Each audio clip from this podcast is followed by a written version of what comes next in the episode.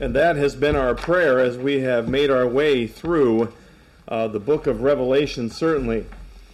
Um, some well known passages and some ones that deeply puzzle us, and passages that even the angel warns John are difficult to understand, and so we have to search out and trust in the guidance of the Spirit. And so we have made our way through this book, Lord willing. Um, before the Lord calls us on, we'll uh, finish this book uh, next week. I think we're on the trajectory to do that. You can turn to Revelation 19 as we finish up that chapter uh, this morning and then on into chapter 20. And we have seen um, the, the bowl judgments, which are the final judgments going on in this, this most severe, greatest part of the tribulation, the last three and a half years that is referred to as the Great Tribulation, even in the Old Testament. Um, and these bowls have been long awaited by God's people as they testify and as they worship Him because of what will take place at the end. Um, God's people uh, the, the followers of Christ with him in fellowship with him and communion with him and his ultimate victory over all of his enemies. And so we've seen through these things in these last three and a half years these strange creatures, the um, the very uh, lame, pathetic uh, replication, so to speak, that Satan has done, tried to do with Christ through this Antichrist, this beast, and also this false prophet and um, false religion, and bringing people together in this terrible harlot, this spirit of um, dependence apart from God in financial matters and immorality and false religion. And we have seen recently that God will deal with all of these and even more specifically today, remember how with Babylon, that great um, harlot that's described in chapter 18, uh, he actually turned the beast and uh, the false prophet and those that she was enabling against her, and she had a violent end. And the world mourned because they realized they'd put their trust and dependence in the wrong thing. But, folks, for the followers of Christ in chapter 19, there is great excitement and there is energy and worship and enthusiasm as uh, it is made clear that the judgments of God upon his enemies are taking place, and everything that God had promised throughout his word is happening. He is dealing with his enemies. And uh, these false replicas, these cheap imitations, will no longer stand. And we'll see that again today. And then there's this um, excitement for the marriage supper of the Lamb. And uh, this introduction to the bride of Christ that we'll have more to say about tonight and even Wednesday. As God's people prepare. Now, we talked about this last Wednesday in the midpoint of Revelation 19 that um, God's people are getting excited for what's called the marriage supper of the Lamb as the bride has been made ready for her bridegroom. Probably best to think of the bride and the marriage ceremony as having taken place while the tribulation's going on. The church and all of God's people that are there um, are celebrating and, and uh, worshiping the Lamb and enjoying his presence while these terrible things are going on in the earth. And now there is a recognition, recognition that all of followers of God soon will be together in communing with the Savior. And so, in the midst of 19, there's worship of God in that. Remember, in the midst of discussing these things, John got confused and he started worshiping the angel. He's so overwhelmed by the truth of what he's hearing. And the angel reminded him there's only one worthy of worship, and that's Jesus Christ. It's the one that all of Scripture has been pointing to, the central figure of all Scripture and all history. Look at verse 10. That angel said, I am thy fellow servant and of thy brethren that have test had that have the testimony of Jesus. I'm reading from the King James. I'm going to be moving back and forth from the King James to the ESV this morning, so just be uh, uh, prepared for that. Worship God, for the testimony of Jesus is the spirit of prophecy. Here he describes Jesus as deity. Jesus is worthy of all of our worship because he is the focal point of all prophecy, of all scripture. So, the angel is helping John focus on what is most important. And then I'm back in the ESV now. Had this this um, part of this vision where our focus is brought back on an amazing figure, and it's a figure that's ready to judge his enemies. And I know, I, again, I know there's been all kinds of uh, descriptions of judgment in this book, and strange creatures, and lots of heads and crowns, and, and very ugly things. But, folks, the rest of the book is all victory. It's all joy. And um, it's for, for God's people, it's a blessing to read. And so I'm glad here in these last few services to remind you of the victory that we have in Christ. And that's how we're going to end the book, and a reminder of that. So we'll just read a few passages. We'll read this description of this figure, and I think you know who it is. We'll have a word of prayer, and we'll continue to look at this together. Verse 11 of 19. Then I saw heaven open, and behold, a white horse. The one sitting on it is called Faithful and True. We sang Great is Thy Faithfulness this morning. A wonderful intro, recognizing the Savior. And in righteousness he judges and makes war. His eyes are like a flame of fire, and on his head are many diadems. And he has a name written that no one knows but himself. He is clothed in a robe dipped in blood, and the name by which he is called is the Word of God. And the armies of heaven, arrayed in fine linen, white and pure, were following him on white horses from his mouth comes a sharp sword with which to strike down the nations, and he will rule them with a rod of iron. He will tread the winepress of the fury of the wrath of God the Almighty. On his robe and on his thigh he has a name written King of Kings and Lord of Lords. Father, what a blessing it is to come to this portion of your word as we really close out the whole of Scripture with the victorious presentation of your Son. We uh, marvel and we rejoice in this, knowing that we still face the enemy and we face his fierce rebellion against your word and against um, the, the things of your word. Lord, help us to be encouraged even as we continue to face the darkness and difficulties of this world.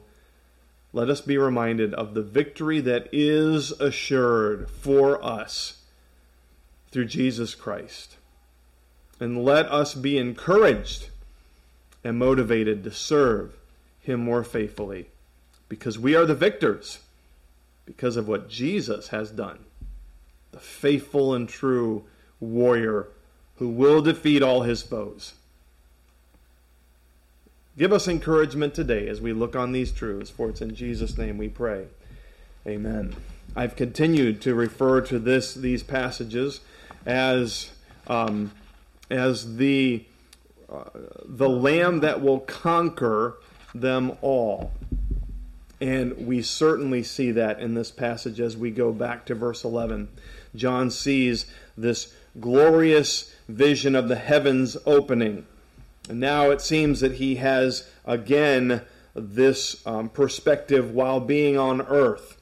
And a figure is coming on earth to deal with this false antichrist and false prophet and all of these things. And it says, Behold, a white horse. Remember the terrible horses and uh, the sickly green and all the terrible horses that were described earlier in the book. And this horse now is pure and white and fitting for the one that would ride on it. The one sitting on it is called faithful and true, And in righteousness, he judges and makes war. And this is the description of Christ, and his identity obviously is evident here. He's faithful, he's trustworthy. Um, all the other things in the world that the people of the world put their trust in have all crumbled. Babylon is gone. Um, the enemies of God are about to meet their end. And all the things that the world puts its confidence in will one day crumble. But, folks, for the followers of Christ who have put their faith and trust in Jesus, He is fully dependable till the end. He is fully trustworthy. He is the ultimate best investment that you can put your life into your faith, your trust, and He will be victorious. And so He is called faithful and then true. You could really say there's a lot of um, meaning behind that Greek word, the word true. But here it describes that he is the real thing. He's the real deal, not the cheap imitations that Satan has put forth in the Antichrist and the false prophet. You remember the Antichrist with the wound in his head and rising again and all these things, but very poor, poor imitations of the one that is truly the Savior that we put our faith and trust in. And in righteousness, he is fully righteous. And remember that he offered up himself to give that righteousness to us. He took all of our sin on himself. And he offers now, because of his death and resurrection, this righteousness that he's described. He fully met God's standard. He's holy, he's pure, coming in on this white horse. And he is the one then is able to judge and make war. He has full authority. Um, he is fully capable of pronouncing judgment and making war, but having victory in that war as well. Um, we were talking with some of you folks, maybe it was the Lemons this last week, about the Chronicles of Narnia, that series written by C.S. Lewis. And a marvelous series of books that our boys have enjoyed reading.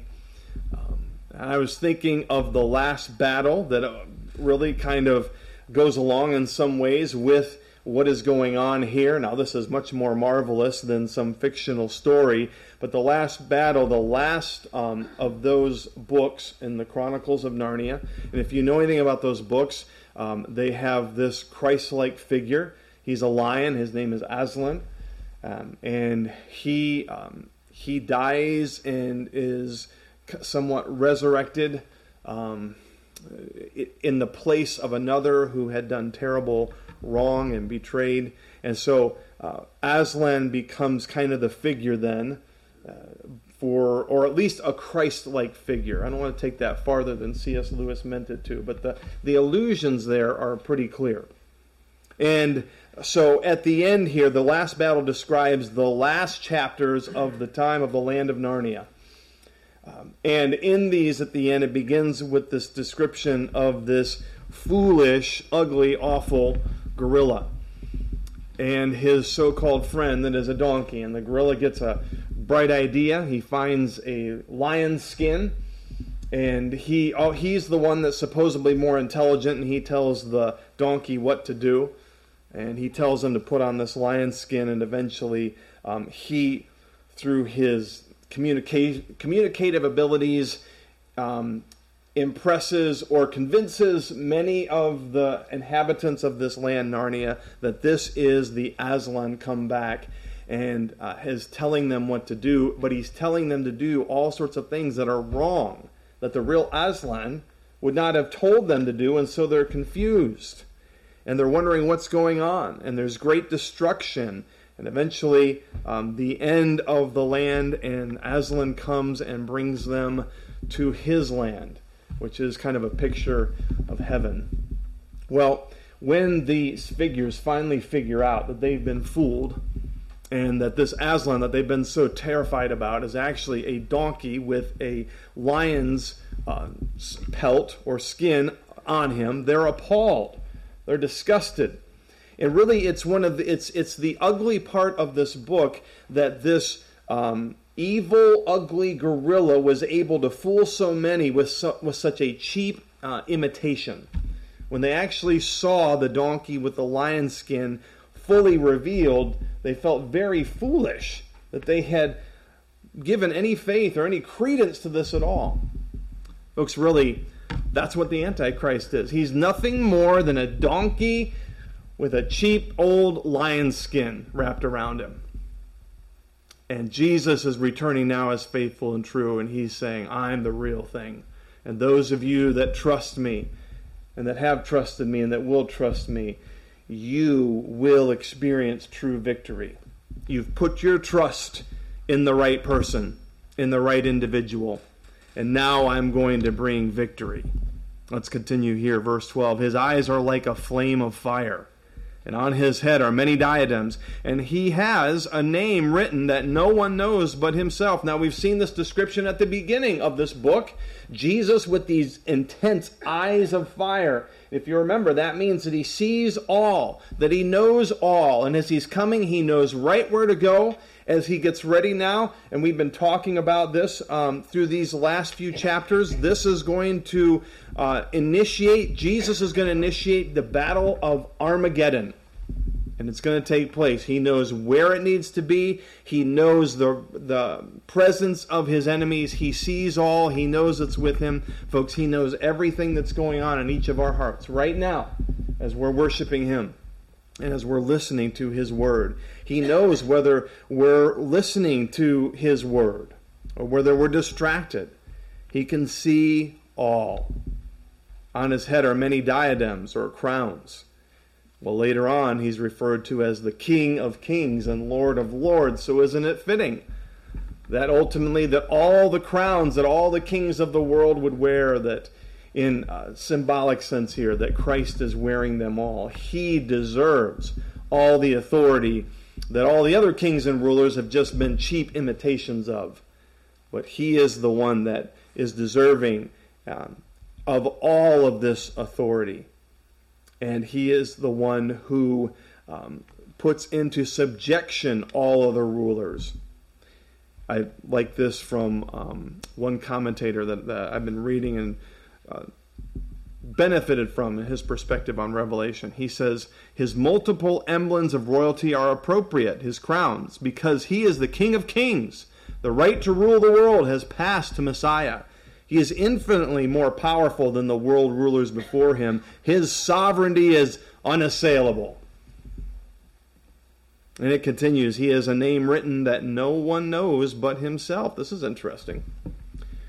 This is kind of a um, rebuttal, or not a rebuttal, but a rebuke to us that try, or many, even God's people, that try to figure out every aspect of who Christ is and who God is. You know, even in the Sunday school presentation that we've been listening to, it's been so helpful.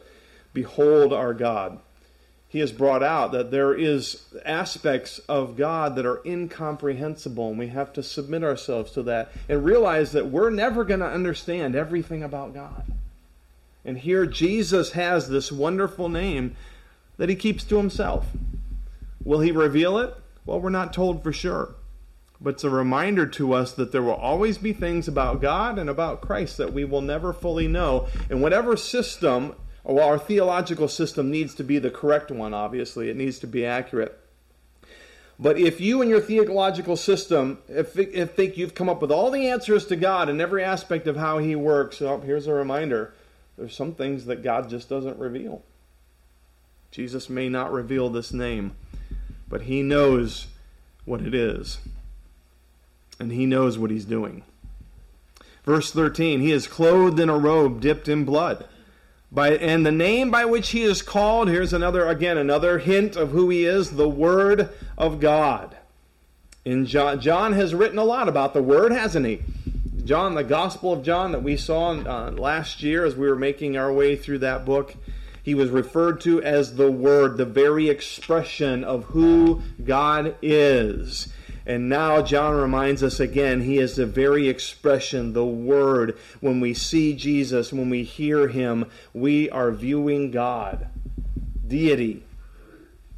God sent Jesus that we might know who God is. And he expresses himself in the word of God. The robe dipped in blood. Many have interpret, interpreted this as the blood of Christ that he shed on the cross and his sacrifice for our sin. And I think that that may possibly be a part of the picture.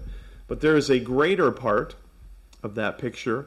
And even in Isaiah, back to Isaiah, um, he is described as one that brings judgment and part of that is the blood. And again, not to be too graphic here, but in the victory over his enemies, he will shed their blood. And so I believe the, the, the full interpretation of this is the victory that this one will have over his enemies and will literally have his blood on his robe. Let's just look here real quick at a couple passages in Isaiah just to, just to see We'll turn to Isaiah 63, 1 through 6. Isaiah 63. Here is a direct fulfillment here in Revelation of this very passage. Isaiah 63, verse 1 Who is this who comes from Edom in crimson gar- garments from Bozrah? He who is splendid in his apparel, marching in the greatness of his strength. It is I, speaking in righteousness mighty to save. Does that sound familiar? Why is your apparel red, and your garments like his who treads in the winepress? I have trodden the winepress alone, and from the peoples no one was with me. I trod them in my anger and trampled them in my wrath. Again, uh, intense, terrible picture, but one that's needed in the full purview of Scripture. Their lifeblood spattered on my garments and stained all my apparel. For the day of vengeance was in my heart, my year of redemption had come. And I looked, and there was no one to help, and I was appalled.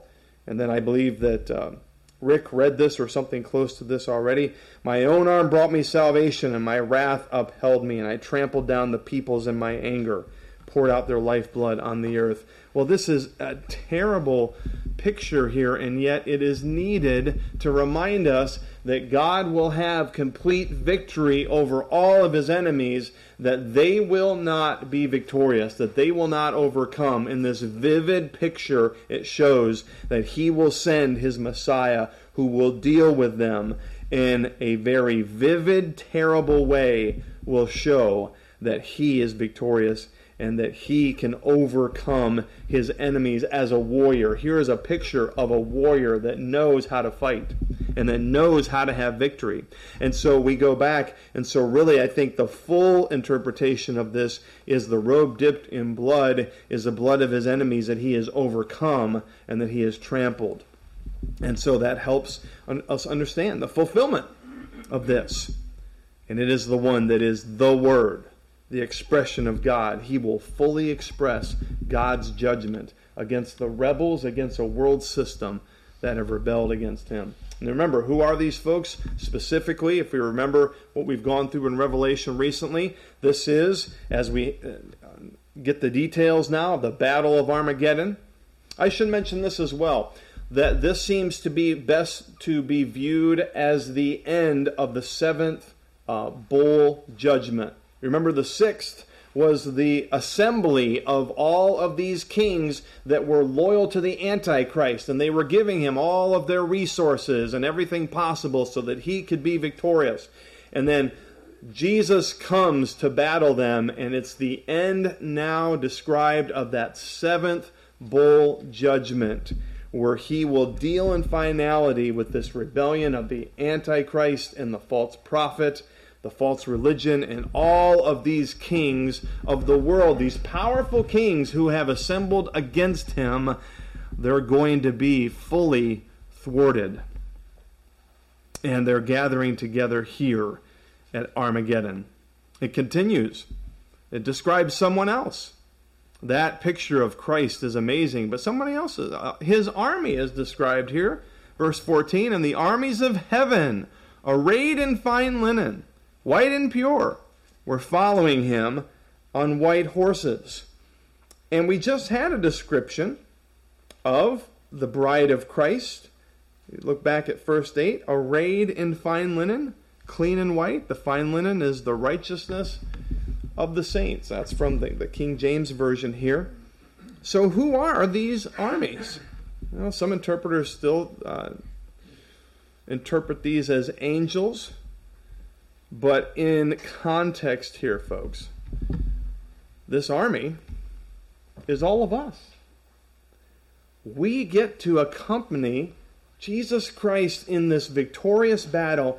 He goes ahead, but we are with him as his soldiers. As the bride of Christ, we have our raiment, we have our garment on, clean and pure. How did we get such clean, pure garments in order to be able to appear with Jesus Christ? Remember, folks, it's the work that he did in making us pure and clean. He gave us those garments, and we put them on. This was all the work of Christ. He's able to defeat his enemies. He's able to cleanse and make his own army so that we can follow after him. And we get to accompany him to a victorious battle. And here's a great thing. If you're ever in, if you're ever excited or inspired by stories of great battles, you know, the Civil War, Revolutionary War, World War One or World War Two, Many times, soldiers are accumulated and brought together through um, promises of honor and glory and all these things. And, and we just celebrated Memorial Day recently where we honored those that have given their lives for our country. And that's certainly appropriate because it is a worthy thing to honor when life is lost um, for the purpose of an important cause or for the freedoms of people.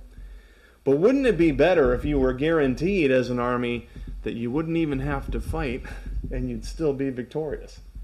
I think everybody would sign up to be a soldier in that army. Come, fight with me.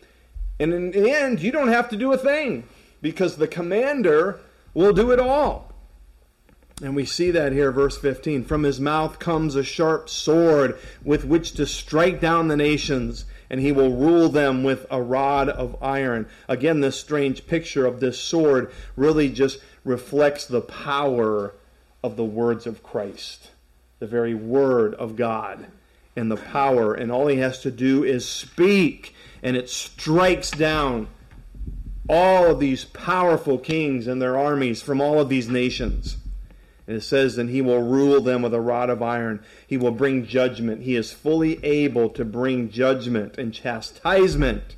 This is an instrument of chastisement upon those his enemies who have rebelled against him, and he will be fully victorious. Look at the end. He will tread the winepress. Here is that um, exact fulfillment of Isaiah that we read of the fury of the wrath of God the Almighty. A terrible picture here, but necessary.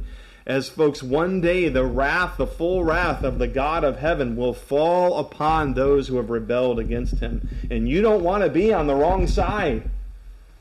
You don't want to be to this point and realize that the dependence that you put in in the world system and money and immorality and all of these things, you realize that you've been putting your resources into a losing team that you are losing, that you're the losers in the battle, as the one comes who's able to bring full victory. And he will bring the full wrath of the all powerful God of the Almighty of creation upon his enemies, and they will be decimated. They will be wiped out. In verse 16, on his robe and on his thigh, he has a name written King of Kings and Lord of Lords. Um, there were, my understanding is, back in the times of the Old Testament with the world leaders, whether it was, uh, I don't know if, it, if the Babylonians had this, but the Persians were marked for referring to the leader of the Persians as the King of Kings. And I believe the Romans as well referred to the Caesars as they, this is your Lord of Lords. And so people would have been real familiar with these terms. But here, John is making it clear very boldly in the midst of a system, Rome, that said Caesar is our Lord of Lords, John is saying, no, there's one that's coming that's all powerful, and he's power that, more powerful than any Caesar that you'll ever bring before us. And he is the true King of Kings. He is king over all the kings. He's Lord of lords. He's the Lord that all other kings and lords and politicians will bow down and submit to one day. This is the one who is coming in all of his glorious might. And then we have here described the battle. Now, notice the battle doesn't take very long, it's pretty quick. Verse 17 Then I saw an angel standing in the sun. This is a picture of glory and resonance. It captures your attention. And again, with a loud voice, these angels call us with these loud voices that capture our attention. He called to all the birds that fly directly overhead Come, gather for the great supper of God, to eat the flesh of kings. Let me throw in here, this is pretty graphic, okay? Prepare yourselves. This isn't one of those pleasant pictures, probably right before you're getting ready to eat your meal for Sunday, but it's necessary to see the victory of Christ here. And these angels then describing how these rebel kings, these powerful kings, will meet their ends. He's calling these great birds of prey, vultures, and many others to eat the flesh of kings, the flesh of captains, the flesh of mighty men, the flesh of horses and their riders, and the flesh of all men, both free and slave, small and great and these, basically, he's saying these people, whether they're the kings or those that follow under them, all of these that have followed after the Antichrist and after Satan himself, they're as good as dead. So you carry on. You uh, birds of prey, come and enjoy your own supper. This is meant to be in contrast to the wonderful, glorious supper of the Lamb. And I'm not trying to be gross here, folks, but we don't want to miss the contrast. That God's people will enjoy in fellowship and communion with Him. That will be coming soon. But before that supper is a different supper that's described here, where the enemies of God will be the entree. And they will be totally decimated and eradicated from the earth. And I saw the beast and the kings of the earth with their armies gathered to make war against him who was sitting on the horse. Can you imagine seeing the faithful and true warrior, the Lamb of God, Jesus Christ, and here's the beast and the Antichrist, and they're basically, basically saying, Onward! We can have victory! How foolish and deluded can you be? How arrogant. And every one of us that hold our hand against God, if there's one here today who still hasn't trusted in Jesus Christ as your Savior, how arrogant to hold your fist toward God and say, I want my own way. Well, here we have the Antichrist and the beast and the false prophet and the kings of the earth saying, We want our own way. We will be victorious. And look how quickly Jesus comes and he initiates this and he takes care of things just like that. Beast, false prophet, you're done. And he grabs them up. Verse 20 And the beast was captured, and with it the false prophet who in his presence, remember, we've gone through this before, here's a review, had done the signs by which he deceived those who had received the mark of the beast and those who worshipped its image. These two that had deceived all these mighty kings and all these people, Jesus comes and grabs, I almost picture them as, him as grabbing them by the nape of the neck and flinging them into really an awful, awful place. Can you imagine the rest of the armies as they see these that they've given their resources and their lives to? Just done away with in one moment. Where are these? Where's the beast and the false prophet tossed into?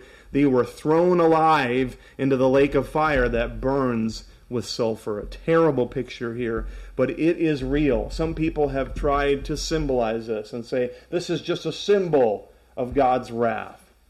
Some people have said, well, this is punishment by God, but it's annihilation. It's not something that will linger on and on.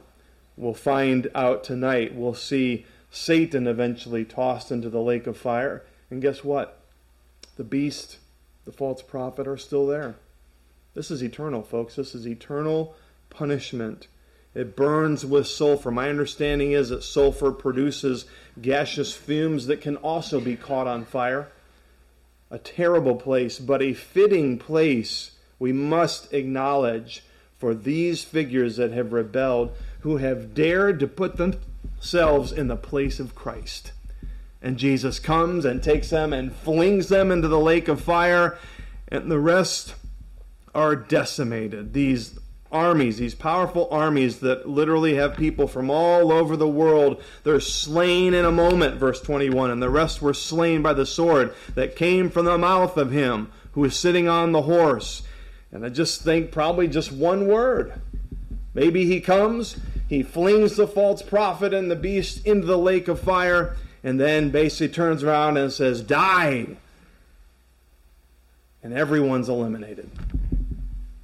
That's very efficient, isn't it?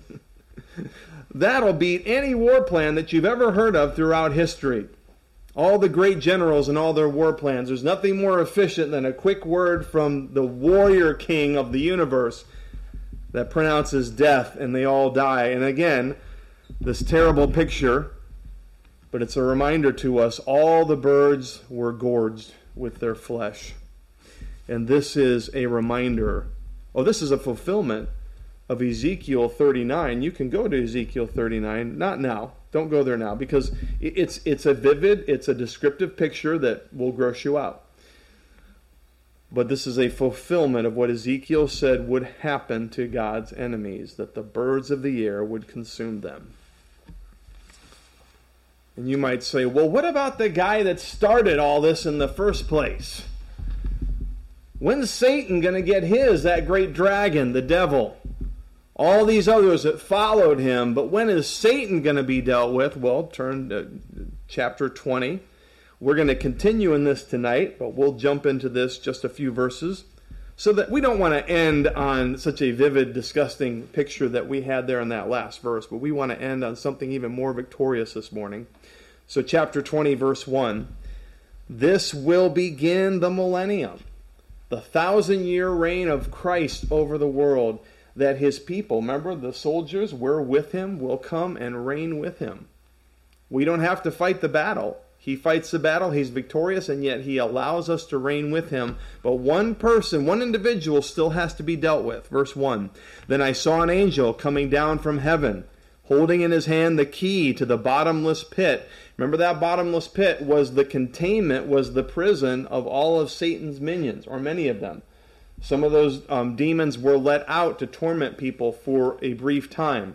But it is a containment center for the enemies of God. And this powerful angel has the keys to that.